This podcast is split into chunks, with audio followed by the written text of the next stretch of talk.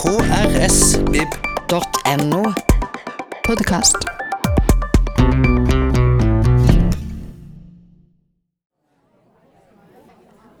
Hei og velkommen til Fredagslunsj, dere. Godt å se dere alle sammen.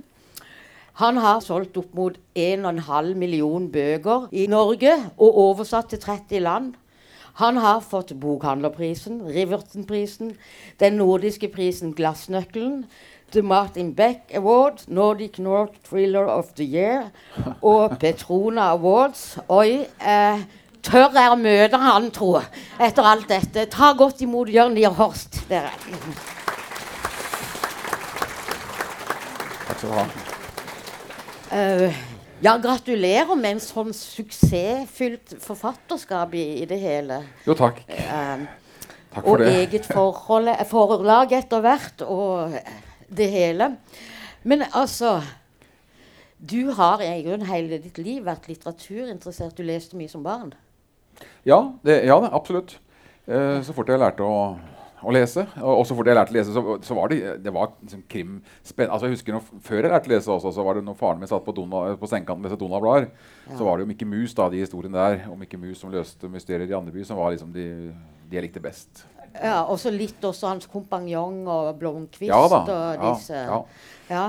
Um, nei, eh, ja, nei, eller Blomkvist, sier jeg. Men altså mesterdetektiv Blomkvist, da er vi på Astrid Lindgren. Jeg leste en plass at det var en åpning der som gjorde uslettelig inntrykk. Jeg vet ikke om du husker åpningen? Jo, altså det husker jeg godt. Jeg husker den første setningen. Altså eh, Blod.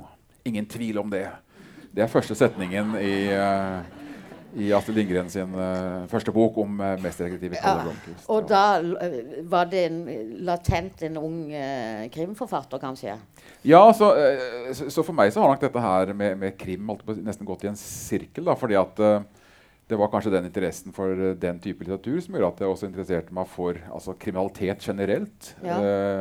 Eh, og, og etter hvert søkte meg inn på uh, Politihøgskolen og ble etterforsker. Men du, du vurderte også journalisthøgskolen, vel? Ja, for jeg skjønte jo det at uh, jeg, altså jeg likte å skrive. da. Jeg likte altså, Allerede på barneskolen. Det å, det, å, altså det å skrive en setning, altså kanskje legge til et ord eller to og skape en stemning og, og, og forandre på altså Hva du kunne gjøre med ord, da, det, det oppdaga jeg liksom tidlig. Og så hadde jeg lærere som, som så at jeg kanskje hadde, eh, hadde et eh, hadde noe, At jeg kunne noe som oppmuntra meg. Og, så skriving er alltid likt. Ja, og så har vi jo noe som da heter lineær, lineært TV, altså da man ser det som faktisk går. Ja. Og før i tida så gikk jo ikke ting mer enn kanskje altså hver lørdag, f.eks. Da hadde du fulgt med på en serie der. Ja, og det, men eh, absolutt. Men, jeg vet jeg vet ikke hva du tenker på, men, men kanskje enda mer så var altså, Radioteatret var jo eh, Ja. Mm. veldig, var, var jeg veldig glad i. Hørespill altså på, på, på lørdag. Men du klarte ikke Også Brødrene Dal. Ja, ikke sant? Eh, og sånn var det jo eh, ofte. Sånn var, men sånn var det med Donald òg. Ja. Eh, det var de historiene bakerst som fortsatte neste uke. Som var det spennende. Og sånn var det jo med, med, med Brødrene Dal som gikk på TV på lørdagskveldene. Jeg, jeg kunne jo ikke vente en hel uke, så jeg skrev jo videre sjøl. Og, og ofte så syns jeg jo at det som jeg når, når uka var gått, da, så syns jeg jo gjerne at det som jeg hadde laget, var, det var bedre enn både Disney og NRK hadde kommet opp med. Så tidlig selvtillit òg, altså. Ja, det, det, det, er jo fint, spesielt som man etter hvert blir forfatter. Så kan det jo være en fordel. Men altså, du valgte da Politihøgskolen, og mens du gikk der, så fikk du en bok av din mor. Ja, eh, man får jo ofte spørsmål om hva som har inspirert ens eget forfatterskap. Men for meg så har jo Henning Mankel betydd mye. For når jeg gikk på Politihøgskolen, så uh, sendte mora mi meg den første uh, boka om Kurt Wallander. da. 'Morder uten ansikt' etter den. Uh, den kom jo ut tidlig på 90-tallet. Og da tenkte jeg etter å ha lest at det er, jo, det er jo egentlig dette jeg vil med utdannelsen min. Altså Jeg vil bli en sånn politimann som jeg leste om, en sånn som Kurt Wallander. Altså ikke sånn halvfeit, gammel, grinete gubbe. Men, men en etterforsker som tok, tok ansvar, da, som hadde et ønske om å utrette noe. Som, som uh, jobba med disse store uh, sakene. Så sånn sett så var det jo på mange Altså jeg kunne jo blitt uh, jobba i utrykningspolitiet, ikke sant? Men, men på mange måter så var det jo uh, Henning Mankel eller Kurt Wallander som staka ut min karrierevei i politiet mot den jobben jeg hadde i veldig mange år som etterforskningsleder. Og det Ja. Så Wallander var kanskje et forbilde både for deg og din etter hvert Ja da, eh, det- figur Wisting? tror nok det er veldig synlig i bøkene mine at, uh, at jeg har lest mye svensk krim i det hele tatt. Mm. Uh, ikke så mange av de kvinnelige fatterne er borte, men, men uh, Håkan Nesser og Åke Edvardsson og Henning Wankel. Og, ja. mm. Den gode gjengen ja, da, i Sverige. Ja. Ja. Men og vi skal jo selvfølgelig komme tilbake til, til ikke minst denne, da, men noen av dine bøker. Men, men Eh, du fikk vel også en spesiell oppstart når du begynte i politiet? Som ja, fordi eh, Altså, jeg debuterte jo i 2004. Eh, da kom den første boka mi. Eh, men den ja.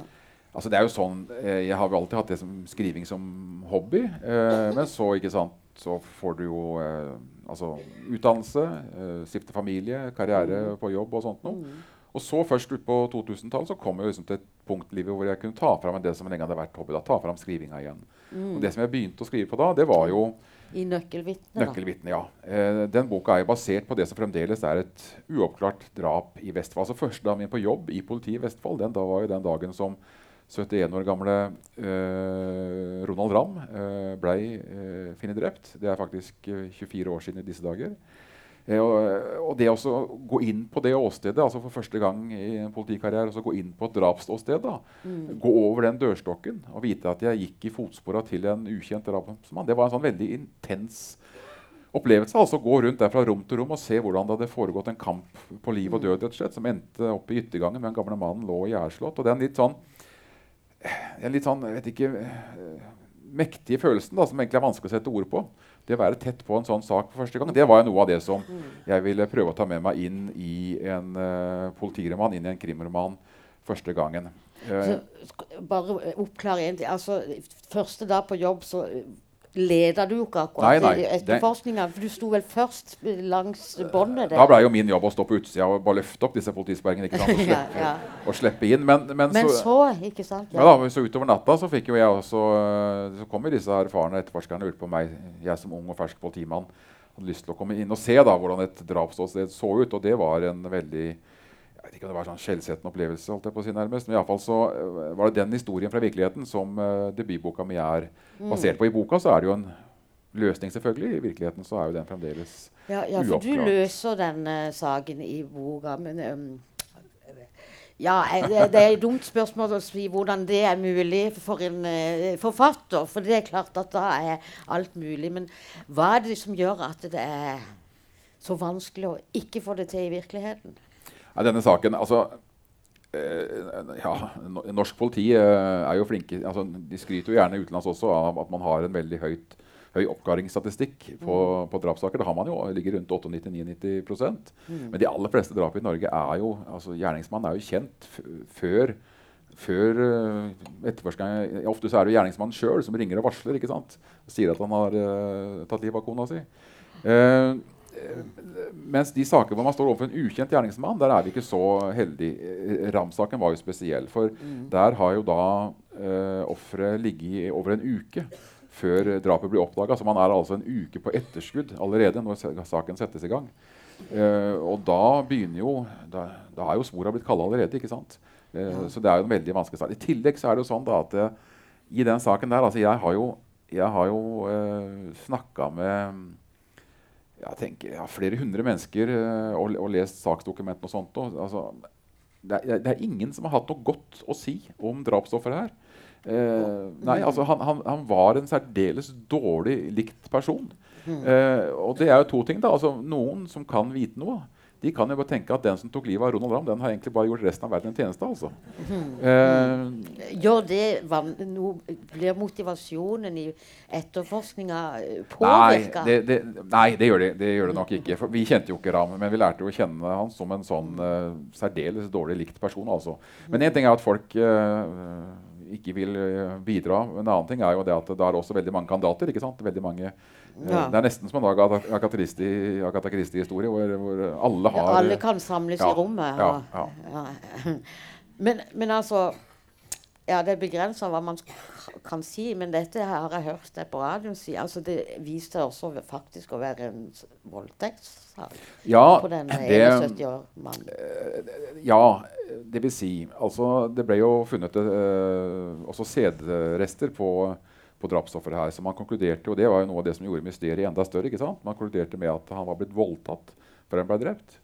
Eh, men etter boka kom, i 2004, da var jo det blitt en ni år gammel uløst sak, eh, så kom det jo nye tips i kjølvannet av bokutgivelsen. nye opplysninger. Og det man oppdaga og erfarte da, det var jo at det, det som hadde vært hovedsporet her, altså det var jo en DNA-profil. Man hadde jo sæd, og dermed så hadde man også en DNA-profil.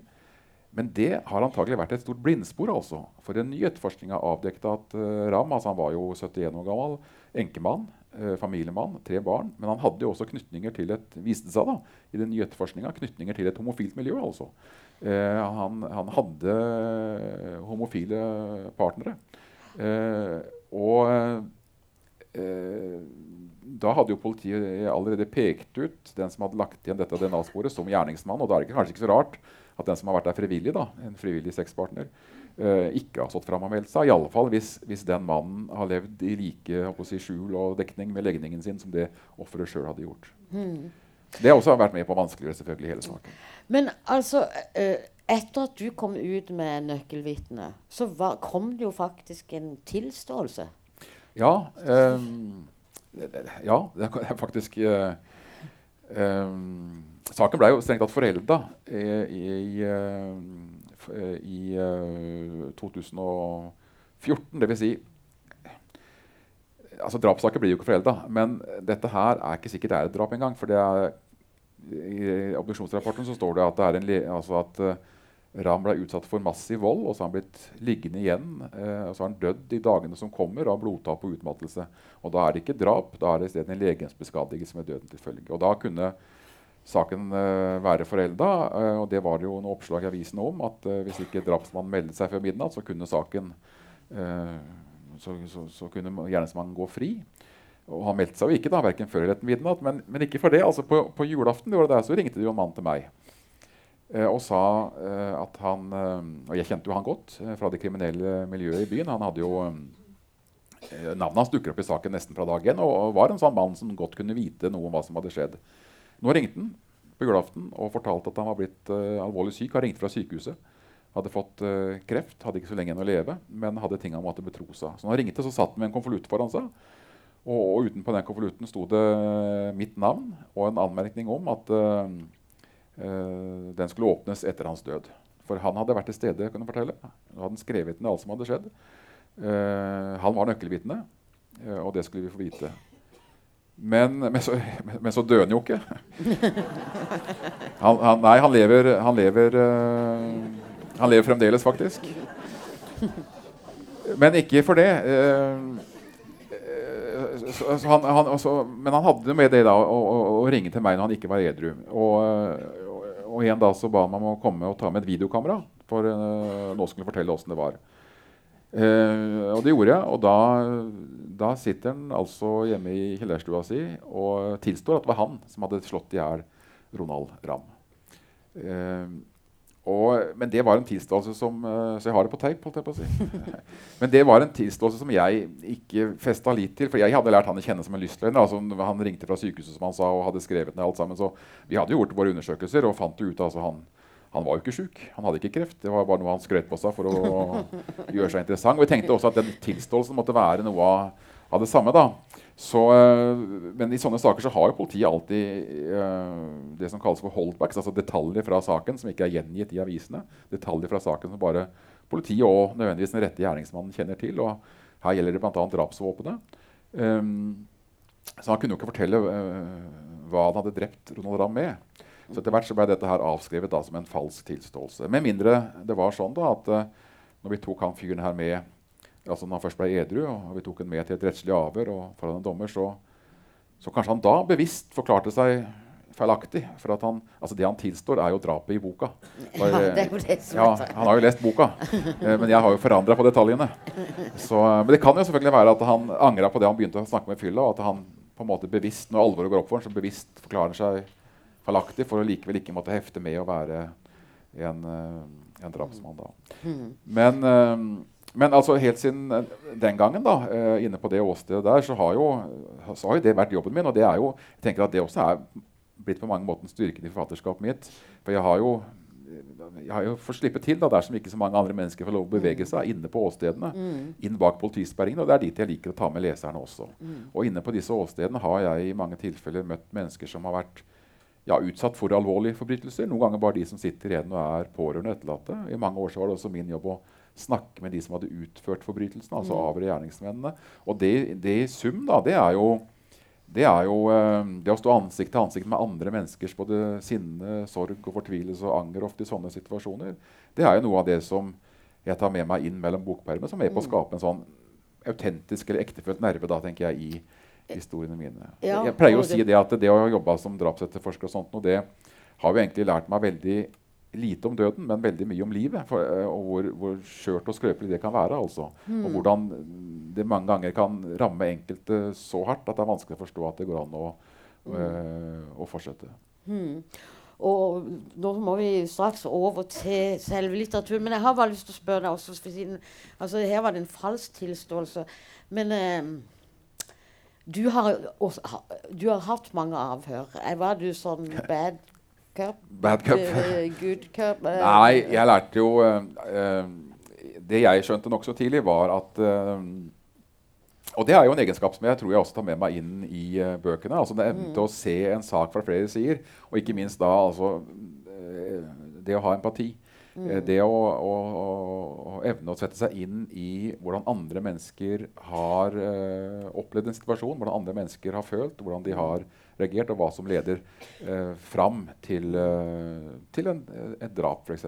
For i aller fleste tilfeller så handler dette her om, om eh, er min erfaring, da, om mennesker som på mange måter eh, på, et sånt, på et gjerningstidspunkt da, så, eh, så er det mennesker som er blitt på en måte dytta eller pressa til et, liksom det ytterste av hva de kan uh, tåle, og så ender de opp, ender de opp uh, fatalt.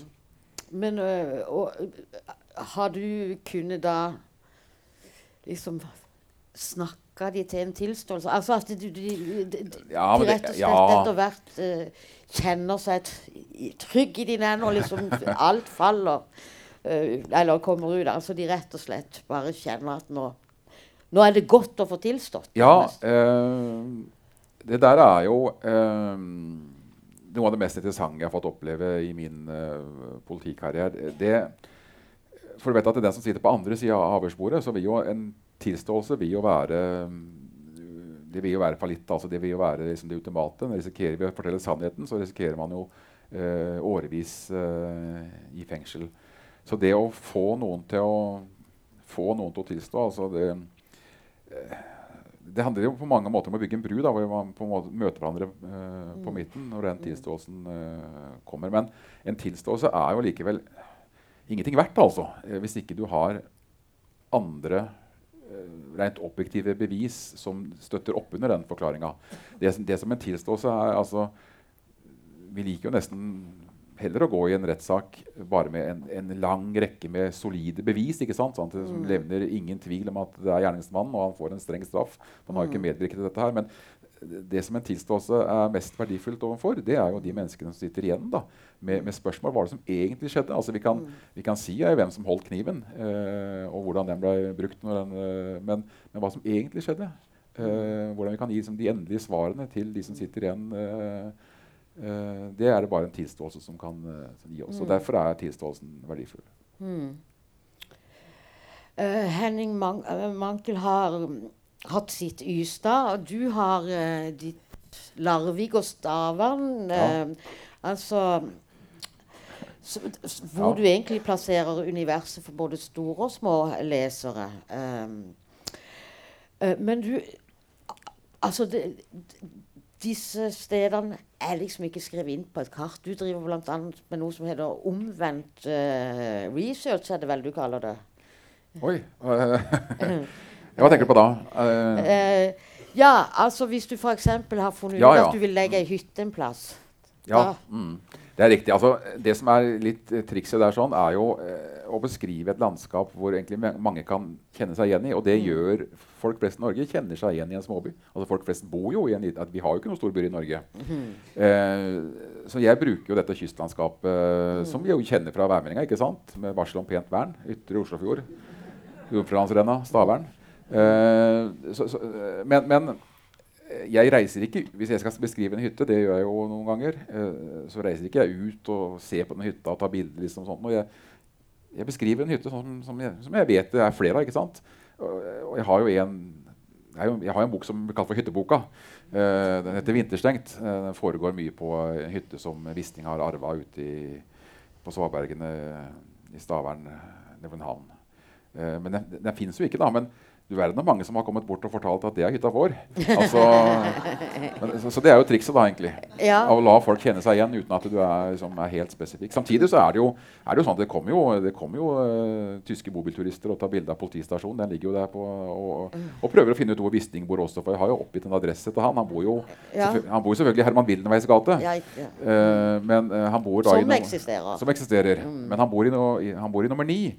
Men Herman Wilhelmsens gate den begynner faktisk på hus nummer 11 og oppover. Så det, jeg, jeg, kan boltre meg litt i den. Uh, I en av bøkene så sitter jo faktisk en død mann i nabohuset hans også. Uh, så det har vært litt kjekt. da. Og, syveren, liksom. Syveren, ja. ja. uh, men altså det der med omvendt research har du sånn at Hvis du for eksempel legger et hytte i et nokså kjent landskap, så er det sånn at du nesten kjører ut og ser blir letta når du ser at nei, der er det ingen hytter. Det, ja da. Så det, det var det jeg mente med omvendt ja. research. da. Eh, ja da, for det hender jo at det skjer ting som de som eier hytta, ikke vil være helt fornøyd med, antagelig. Så det uh, vi var innom Mankel og, og han, hans uh, krimhelt som en, um, et forbilde. Men hvis du skulle beskrive din Wisting, William Wisting, hvem er han? Ja, uh, etter hvert så jeg har begynt å svare bekreftende på at det, liksom, er mye av meg eh, i han. da, For jeg ser jo det. Men når jeg liksom har vært litt uh, avvisende til den sammenligningen, så er jo det først og fremst fordi for, vi vil være selvskryt. ikke sant? For, for Wisting er jo, han er jo kanskje først og fremst et, et godt menneske. altså. Ja. Uh, dyktig etterforsker, omsorgsfull, uh, engasjert, mm. empatisk. Uten, uten noe egentlig særlig feil og mangler. Det er det som er litt spesielt med han som Kremhelt. Ja. Uh, så, og, liksom og der begynner bare å bli likere og likere, syns jeg du har nevnt. så det er jo bra. Men altså, du, du skisserer et realistisk miljø med din bakgrunn. Men altså uh, I krimlitteraturverden så er det jo mange whiskydrikkende, fraskilte mm. deppa og sånn. Sånn at det, din første Altså, han ble først utstyrt med et munnspill. ja, det var Ja og det var I, i de nøkkelvitnene, ja, det første Så sier disse redaktørene da uh, på forlaget at han burde, liksom, det burde være noe sånn særegent med en. ikke sant? Han burde, burde feile noe. Nei, jeg ville ikke at det skulle feile noe. Altså, tvert imot så var jeg lei av de her uh, politifolka som gikk rundt i fylla helt alene og løste drapssaker. Jeg ville liksom ha en ekte politimann. Uh, han skulle være gift også, og det var han jo i de første bøkene. Så skjønte jeg at det var litt vanskelig å skrive mange bøker med en gift på timen, så jeg tok jo livet av henne etter hvert. Og, men, men, så var det redaktøren som foreslo at kanskje han kunne spille, ha instrument liksom, ha et eller annet ved siden av jobben. da. Så jeg, nei, altså, jobben hans er jo både hobby og jobb på mange måter. men så, så Derfor er det, spiller han munnspill altså i, uh, første boka. Men det, det har han slutta med. Det, han, han, gjør ikke det lenger, altså. Mm. Mm. Um, det er godt observert. Det er helt riktig. å Spille munnspill til å begynne med. Men altså dette med at du velger dette realistiske uh, Gjør du det vanskeligere for deg sjøl med at det krever jo enda mer av plott? Altså det, det, krever mer av den handlingen som da Ja, det, det, altså det har um, du, du, spiller ikke på det privatlivet? I det Nei, det er riktig. Det, det gjør, eh, gjør, det jo litt vanskeligere. Uh, og det har også føltes litt som en litt, litt tvangstrøye, nærmest. Eh, jeg skriver jo ikke om seriemordere, da, for, eksempel, for det, det, er, det, har vi jo ikke som Jeg gjør det jo i den boka som heter 'Hulemannen', den som også er i, i TV-serien. Eh, men der, denne, denne seriemorderen som herjer der, han, han kommer fra Amerika. ikke sant? Han har etterlyst av FBI eh, og rømt eh, USA og, og, tatt opphold i Norge. Og da, Det er jo der de kommer fra seriemorderne.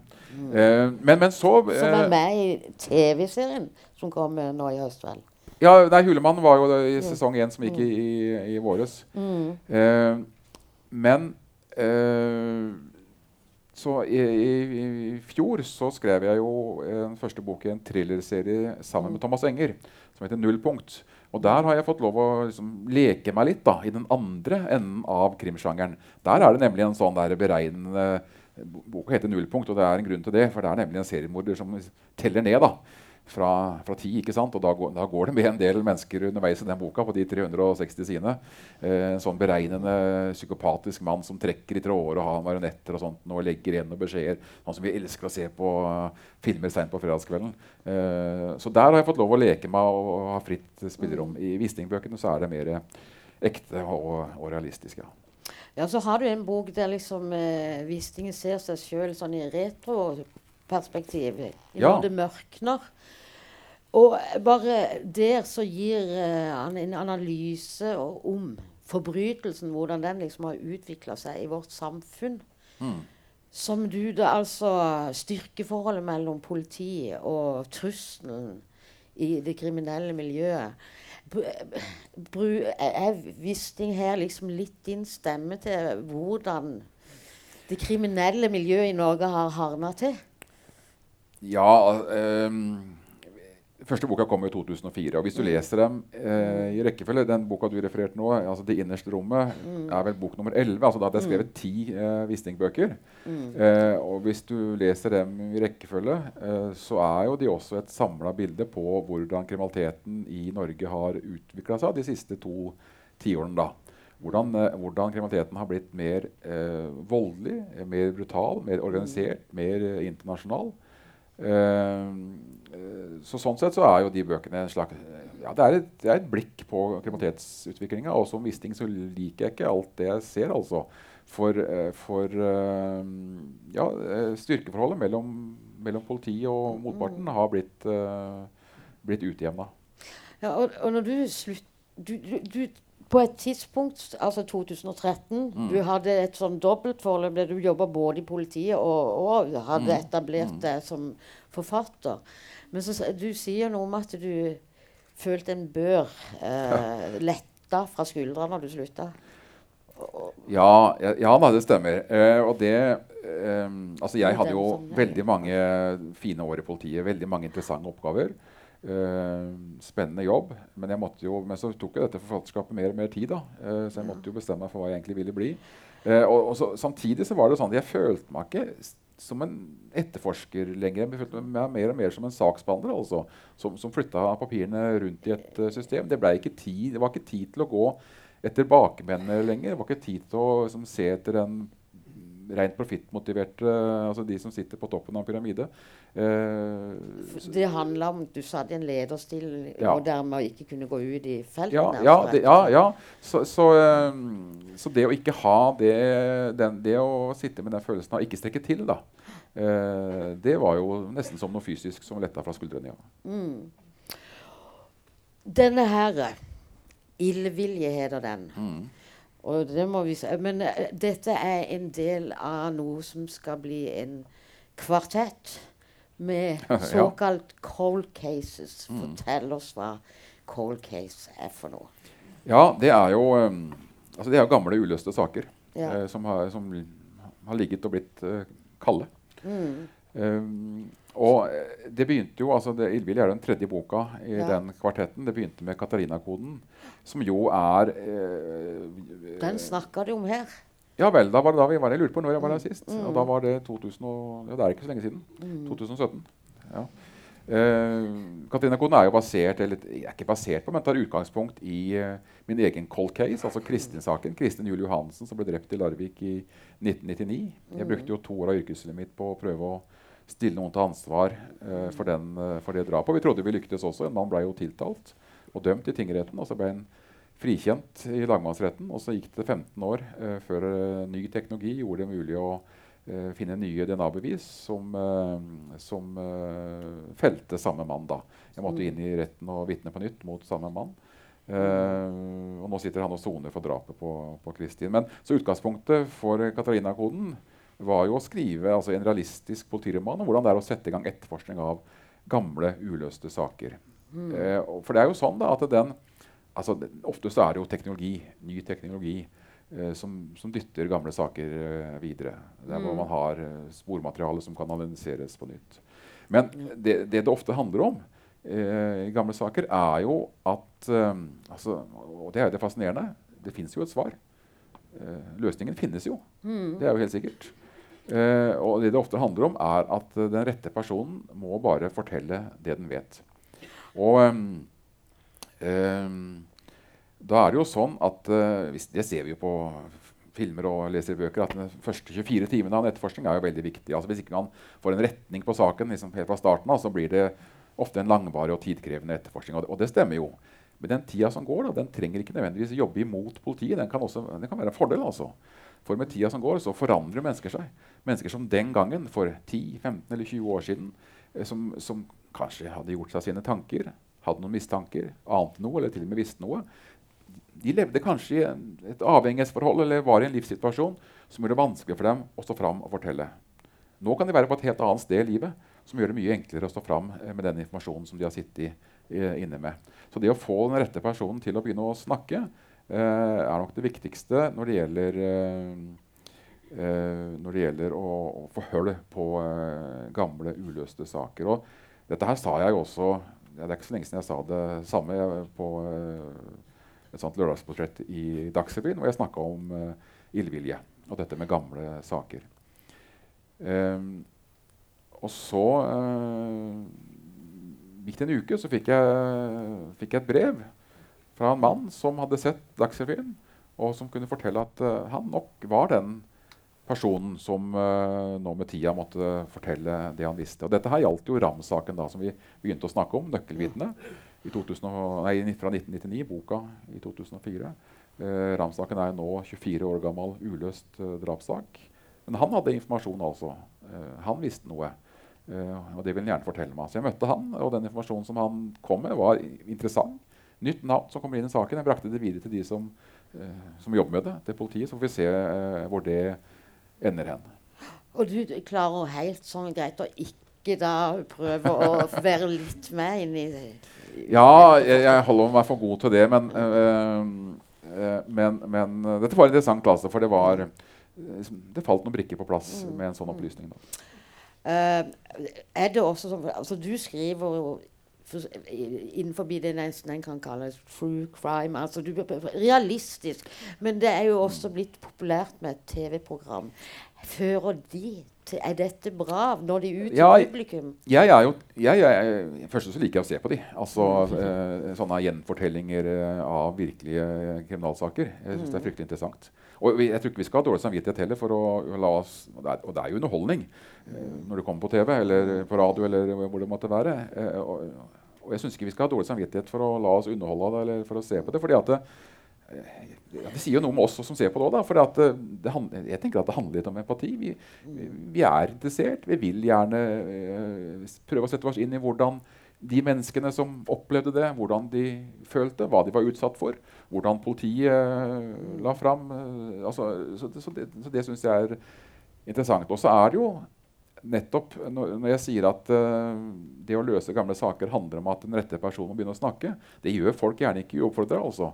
Det gjør de gjerne bare hvis de blir spurt, eller hvis søkelyset på nytt blir retta mot, uh, mot uh, gamle saker. Min erfaring er at ny omtale av gamle saker det virvler alltids opp interessant informasjon. altså.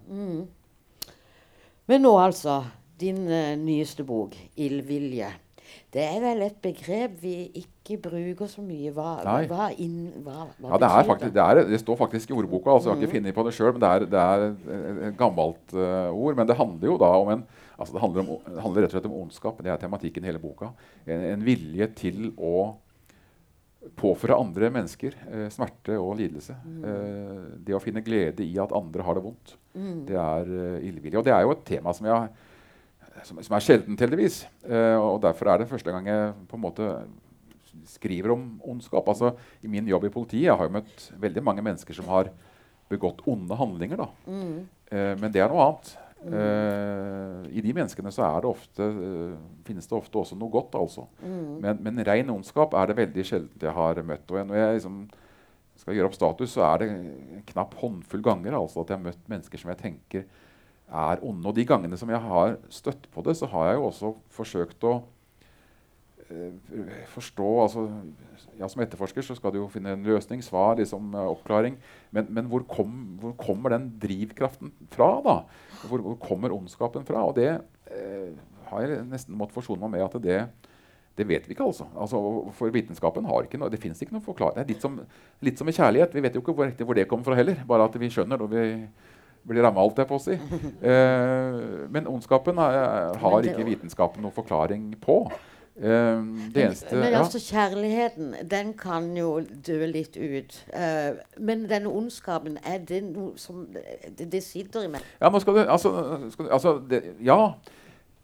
Uh, det som er først er det skumle med ondskap, er jo at siden vi ikke vet hvor det kommer fra, så kan vi jo heller ikke forebygge det, eller forhindre eller forutse at det skjer. Da. Det eneste vi vet, er at det finnes, og at det kommer til å skje. Og Den litt sånn skremmende tanken var det som utgangspunktet for for, uh, for illvilje. Og, uh, og, og, det er onde mennesker der, altså. Men nokså tidlig så uh, altså Tenk dere barn, da. Som Noen barn finner jo glede i å, å, å skade dyr.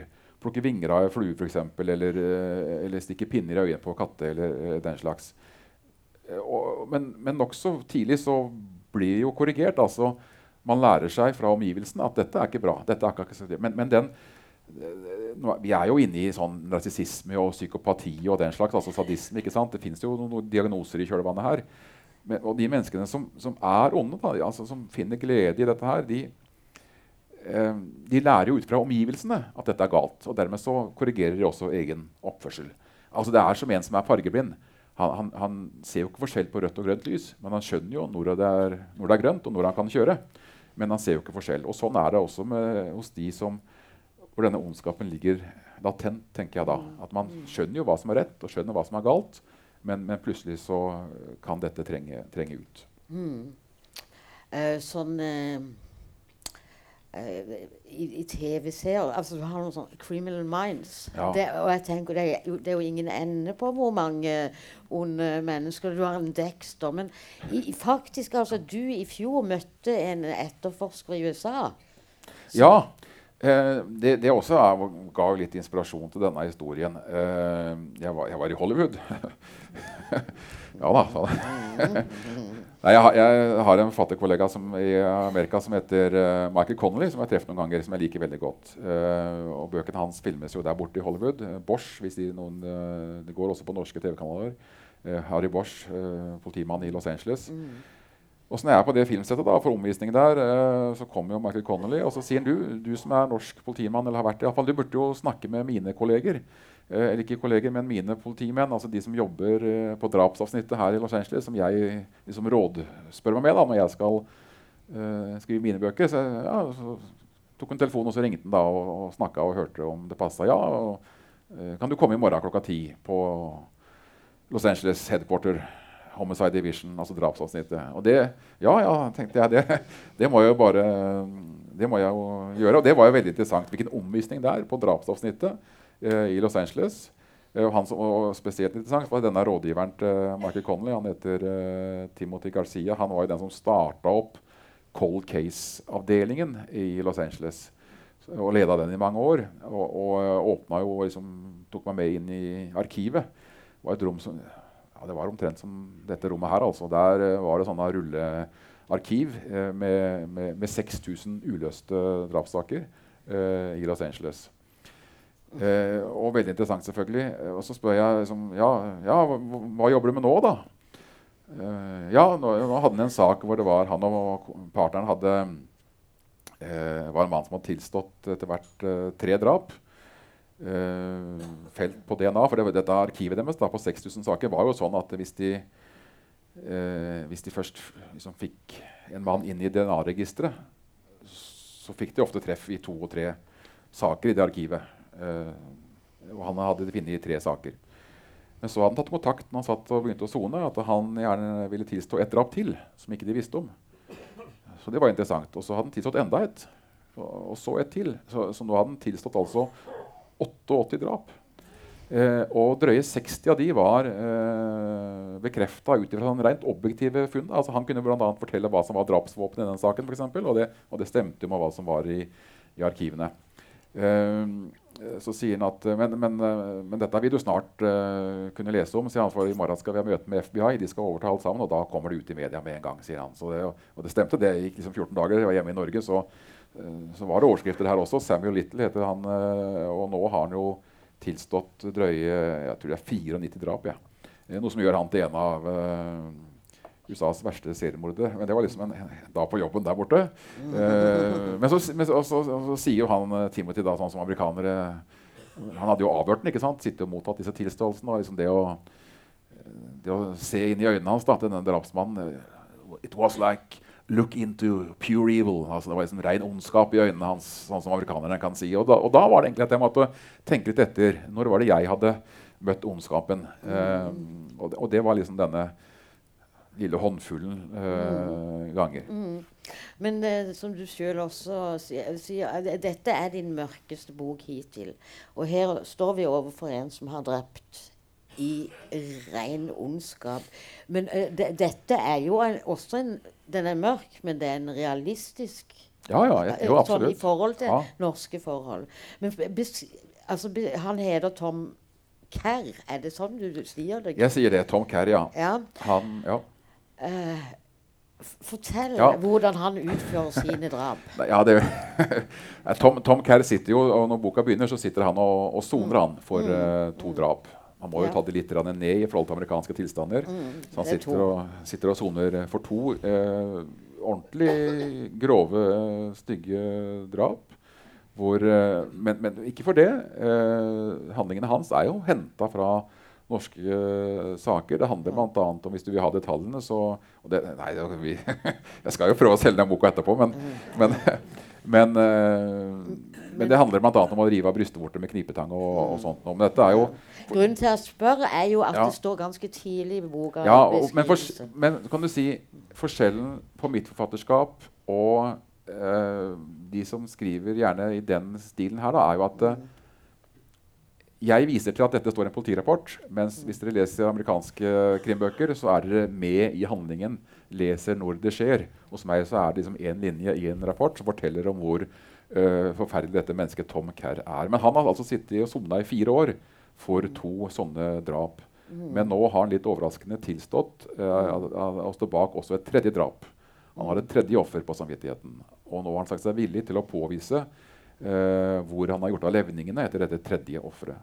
Men da må jo politiet hente han ut av fengselet. Mm. Uh, og den turen går jo fra Han skal altså vise hvor vise åstedet åstedet, hvor uh, levningene er gravd mm. ned. Og den turen går jo da ut først opp av kjelleren på, uh, på Ila og nedover til Vestfold, da, og i Vistings politidistrikt. Og jeg røper jo ikke for mye når jeg sier at altså, når politiet først tar han ut av fengselet, han, han, han vender ikke tilbake. da, altså Dette, dette går aldeles aldeles galt. I en nokså veldig nøye, godt planlagt uh, rømning. For det er åpenbart at han har fått hjelp fra utsida. Mm. Og da antagelig fra den, den personen andre. som ble omtalt som den andre. Ja. For han har ikke vært aleine om disse bestialske drapene. De har vært to om dem. Uh, og nå er antagelig begge to uh, i drift på nytt. Mm. og altså det er ikke det så gærent som det høres nei, ut som. altså. Nei, men jeg skal bare det er, det er, Jeg intervjuer ikke veldig ofte krimforfattere. Og det er jo det at Du kan jo søren meg ikke snakke om boka. Det er det jeg pleier å like. Altså, du kan det. Og, her har vi, og, og vi har snakka rundt. Uh, men vi kan jo ikke røpe for mye, for dere må jo uh, jeg bare sier det både spenning, men også psykologi. Og, og ondskap får du jo også egentlig tatt opp underveis som begreper var utforska fordi det er en politibetjent som ja. faktisk eh, skriver en bacheloroppgave om dette. Det, ja, det er riktig. Eh, så, ja, det er riktig. Ja, mm. Fletter det inn. Ja. Mm, jo, men eh, det er en han har hatt en medhjelper, og det, eh, det, det, det, vet man fordi at det er også ei som har overlevd mm. og kunne bevitne at det er en bil som kjører av gårde. Men hvor ofte i disse her Psykologisk, når du finner så ren ondskap i enkelte mennesker, hvor ofte er det at man da faktisk har en medarbeider? Er det, altså, Vet du noe om det? Sånn.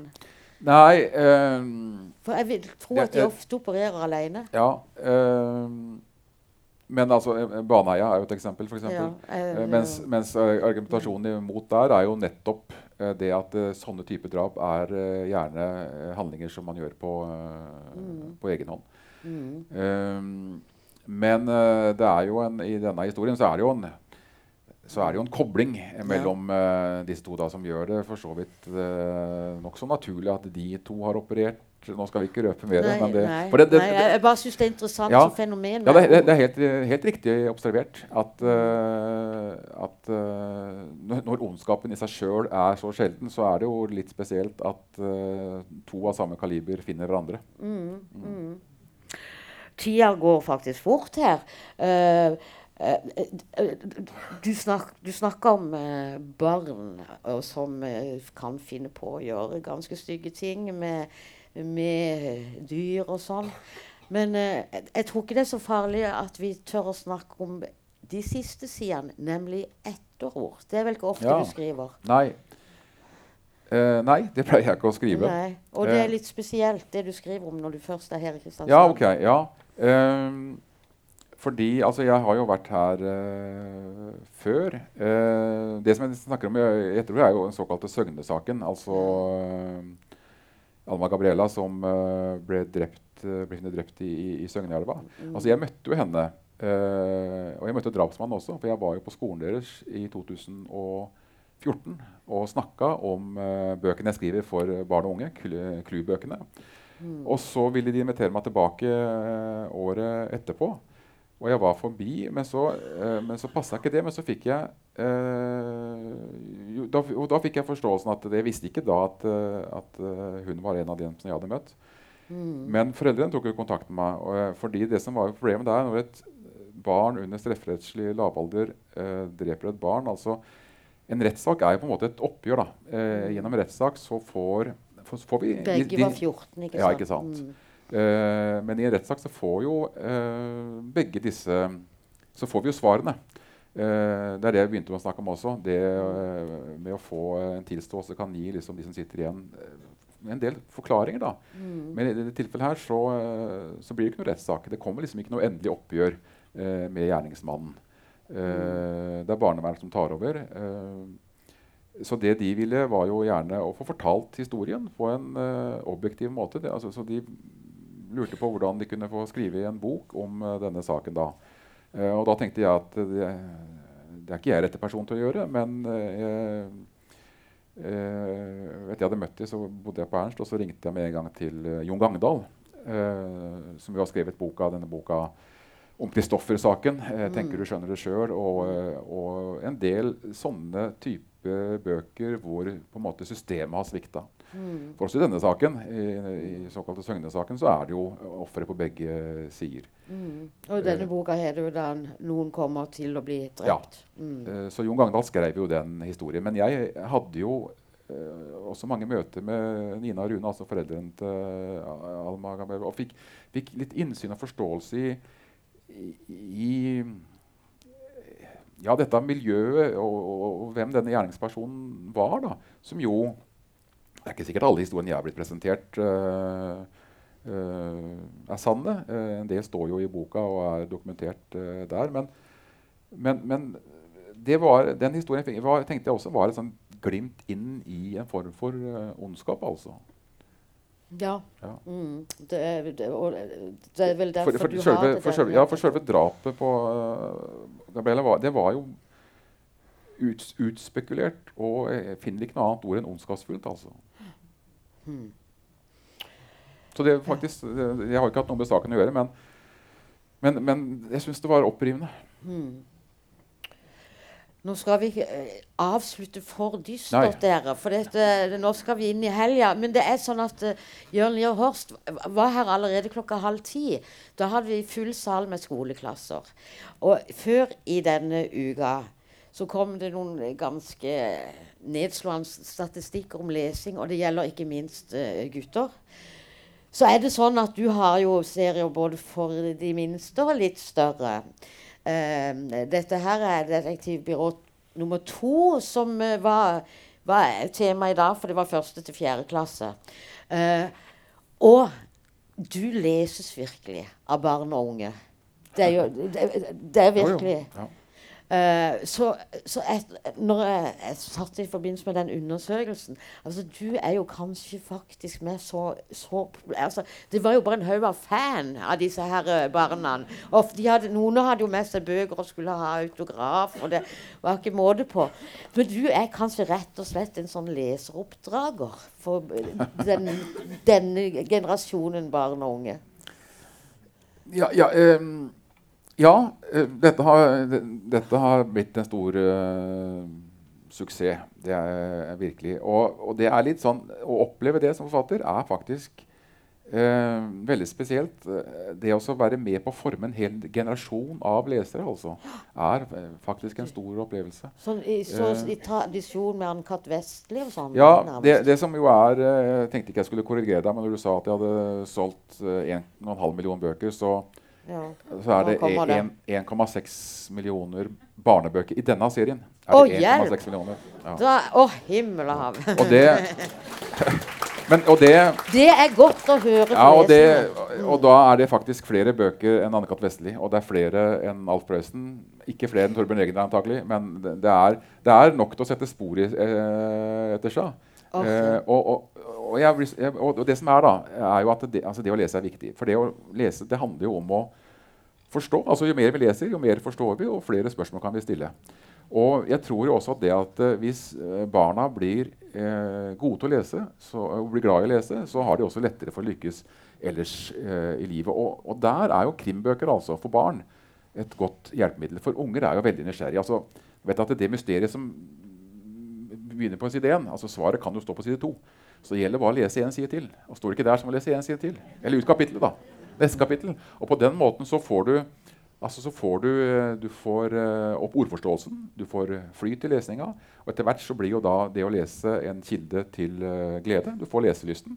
Uh, og i neste rekke så får du, uh, lesning også en, en kilde til kunnskap og forståelse. Så, så det, er, det er jo der på en måte engasjement, engasjement Det er jo selvfølgelig litt langsiktig økonomisk også her, men, men, men der ligger eh, engasjementet mitt. da.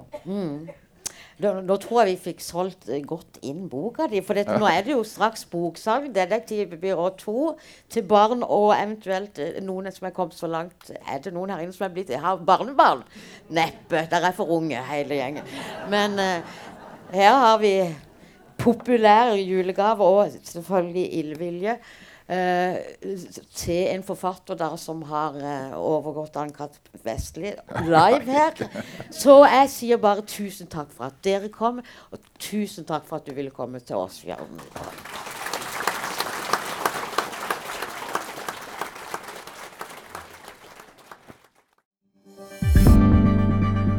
Flere podkaster fra oss finner du på Google Podkast, Apple Podkast eller iTunes, eller ved å stikke innom vår hjemmeside på krsbib.no.